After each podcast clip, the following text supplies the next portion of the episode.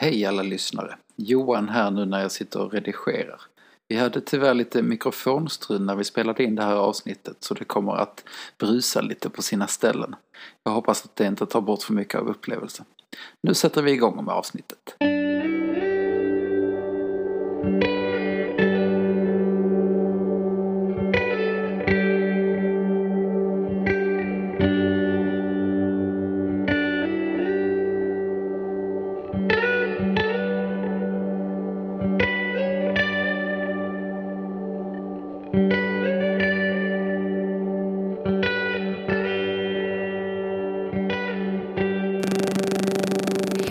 Och välkomna till dagens avsnitt av prat. Detta är avsnitt sju eh, och idag ska vi prata om påsken. Och detta blir det första av två avsnitt som handlar om det, med lite olika fokus. Eh, Vi som är här idag är jag, Johanna. Och Filipp. Johan? och Vera. Eh, Ja, men vi tänker att vi tar avstamp i julevangeliet, eller i alla fall när Jesus föds, till och med lite innan. För Jesus han föds i ett land, eh, Israel, och det var ockuperat av ett stort rike, alltså romarriket. Eh, och i det landet så fanns det en kung som hette Herodes. Men Herodes kunde inte själv bestämma över landet eftersom det var Rom som hade erövrat det. Och i en liten stad som hette Nasaret så fanns det en ung flicka och hon hette Maria. Och Maria hon var trolovad, alltså förlovad med en man som hette Josef. Och en dag så upptäcker Maria då att hon är med barn fast hon har inte varit tillsammans med Josef. Och i Bibeln så står det att det är den heliga anden som eh, då blir barnets far, så att det är Gud. Och det är en ängel som kommer ner och berättar för Maria att hon är havande, alltså gravid. Och Josef han blev väldigt bekymrad när han fick reda på att Maria var med barn. För på den tiden så fick man inte lov att bli gravid om man inte var gift. Det var, eh, sågs inte så gott på. Och när Maria är i nionde månaden så ger hon och Josef sig iväg på en väldigt lång vandring bort till den stad som Josef kommer ifrån, alltså Betlehem. För att man var tvungen att skattskriva sig. Och staden låg ungefär 15 mil från eh, där de bodde. Och 15 mil från Limhamn, det är ungefär till Båstad. Det är en ganska bra bit att gå. Särskilt när man är höggravid och inte har några bilar eller annat sätt att ta sig på. Som tur var så hade hon en liten åsna som hon kunde få åka till. Som jag tycker är en hjälte i den här historien. Det är den sanna hjälten. Ja. Eh, Och när de väl kommer fram till Betlehem så finns det inga platser att sova på. Så de får bo i ett stall. Och i det här stallet så kom, får då Maria och Josef Jesus. Där föds han. Och eh, det blir helt enkelt att några, några herdar får reda på att det här lilla barnet har fötts. Det tänds en stor stjärna så de får följa. Eh, och de går dit och ovanför stallet så lyser stjärnan klart och de går in och får se det lilla Jesusbarnet. Och de får sedan ett, ett uppdrag, man säger, de går ut och, och sprider budskapet vidare om att det här barnet har fötts, som är eh, den nya kungen kallade man det. Guds, Guds son har fötts i ett litet stall, kommit ner till oss. Men eftersom den här Herodes då faktiskt var kung i det här landet så blir han jättearg. Eh, för det får inte finnas en annan kung än Herodes. Och då, eh, då liksom eh, skickar han ut soldater för att hitta det här lilla barnet så Maria och Josef flyr med Jesus till Egypten och återvänder inte till Israel förrän Herodes är död. Och sen så växer Jesus helt enkelt upp och lär sig att vara snickare. Och sen så är han ungefär 30 år och det är när han är ungefär 30 år som hans resa eh, börjar, eller hans undervisning börjar. Och det är lite där som vi ska prata om idag. Mm. Så man vet egentligen inte så mycket från att han föds till att han är 30. Nej, precis. Det man vet är att han, eh, att han blir, eh, han får tas till templet när han är ungefär åtta dagar gammal.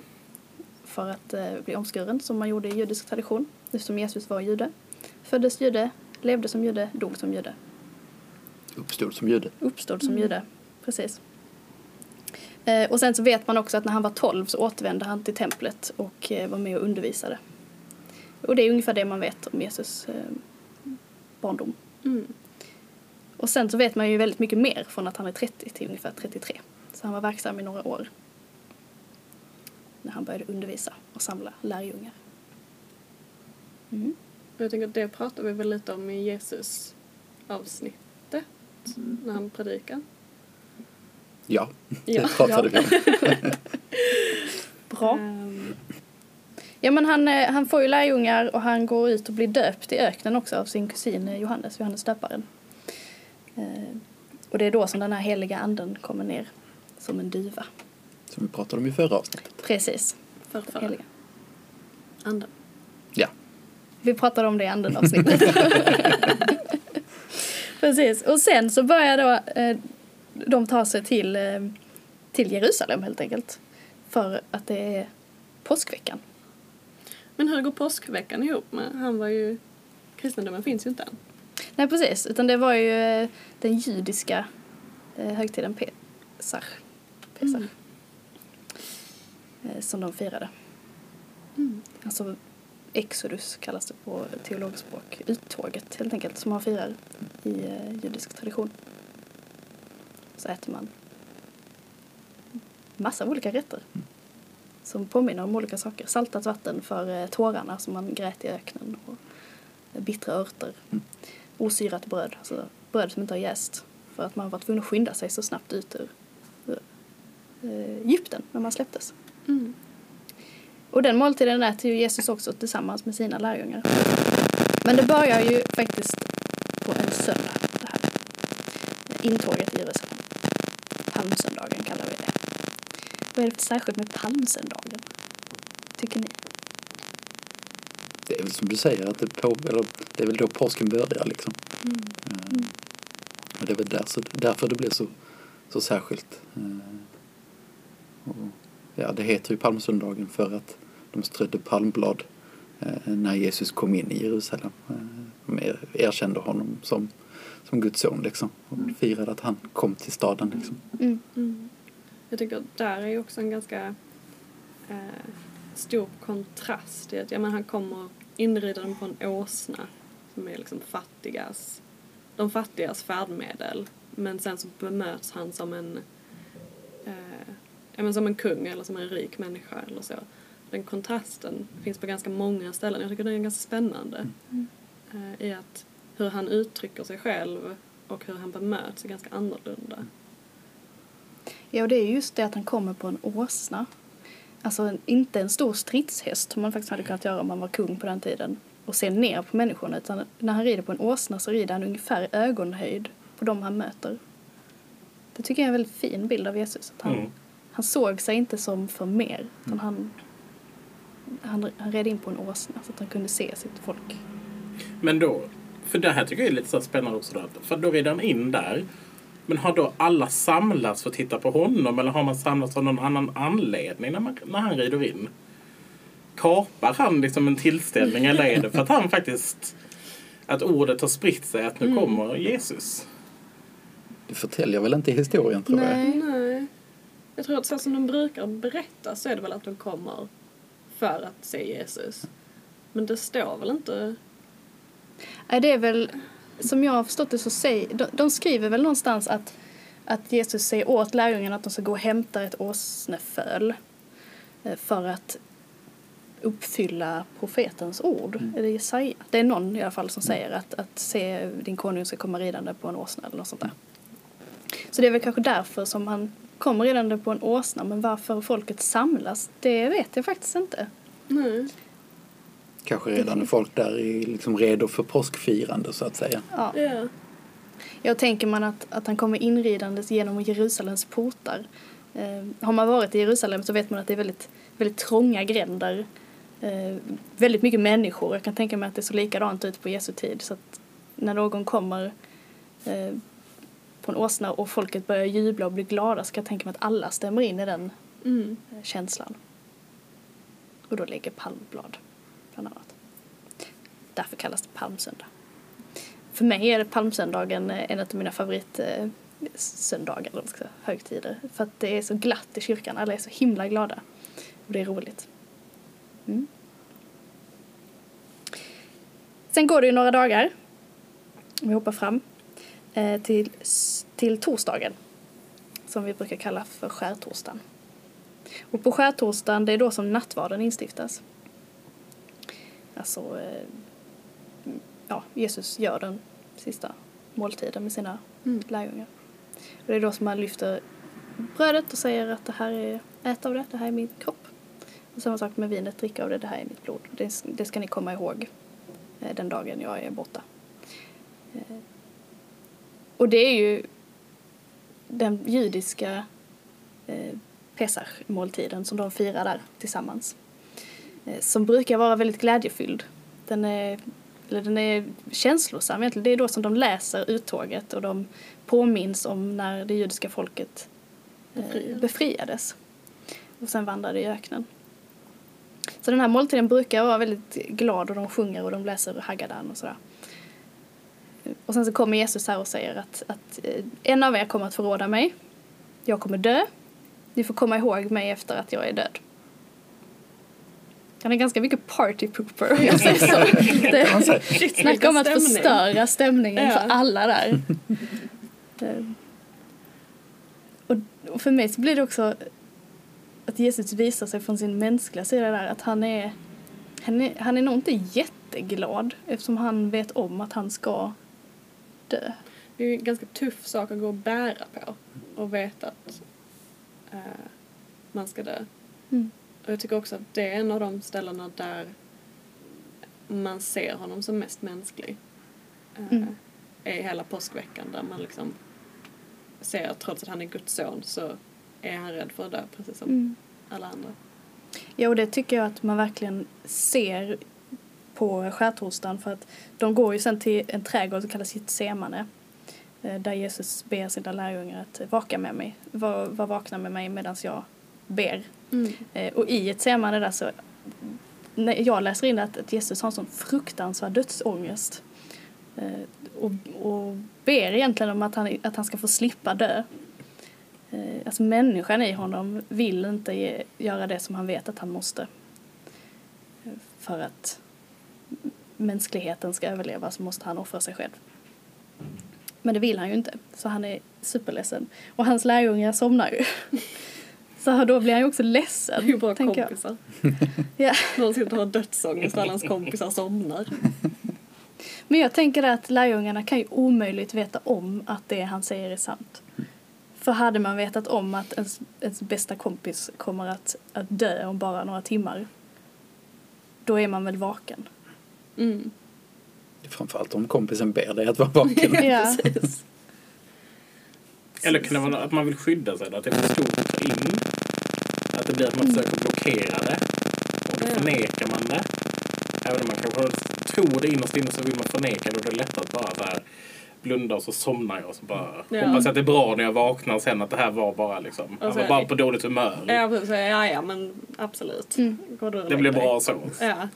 Sen är väl det ett genomgående tema också tänker jag i Bibeln att, att lärjungarna fattar väldigt sällan vad Jesus faktiskt säger. Det känns väl ganska betryggande också. ja men Ja. faktiskt. ja, inte ens lärjungarna förstår. Mm. Men där i Getsemane efter att han har då eh, bett och varit jätteledsen så blir det ju morgon och då kommer soldaterna och griper honom. För den som har förrått honom ger honom en kyss och det är Judas som förråder honom.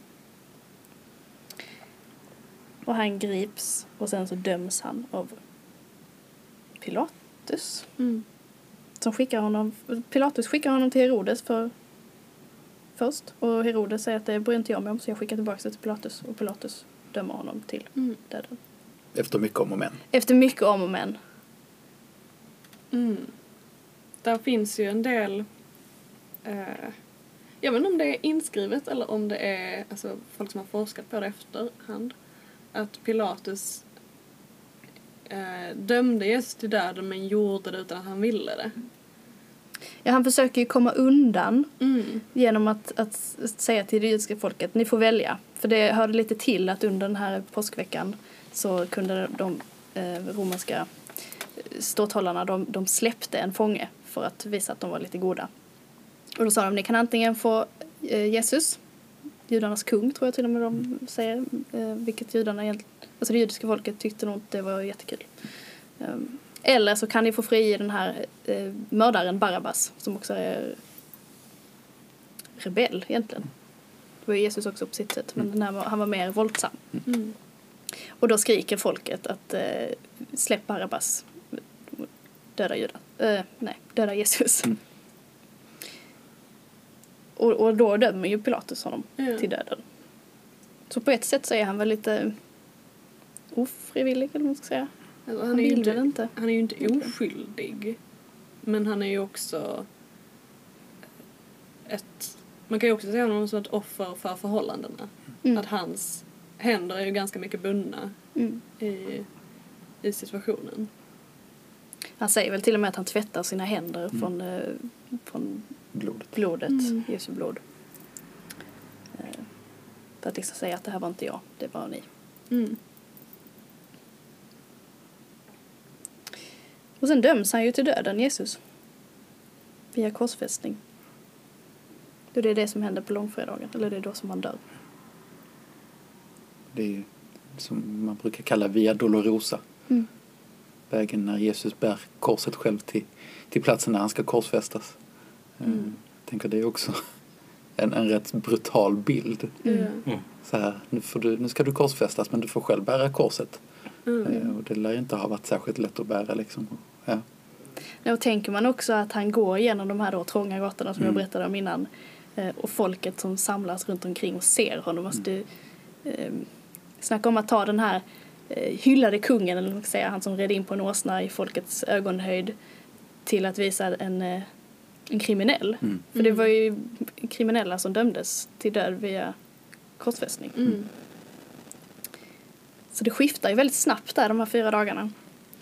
Eh, Och under skärtorsdagen, eh, hoppar jag tillbaka lite, men i, eh, det är en väldigt fin gudstjänst om man ser till, eh, till idag. För man börjar, börjar gudstjänsten med eh, som det brukar vara och sen så i slutet av gudstjänsten så klär man av altaret och man stänger altarskåpet om man har sådana här skåp som man kan öppna och stänga.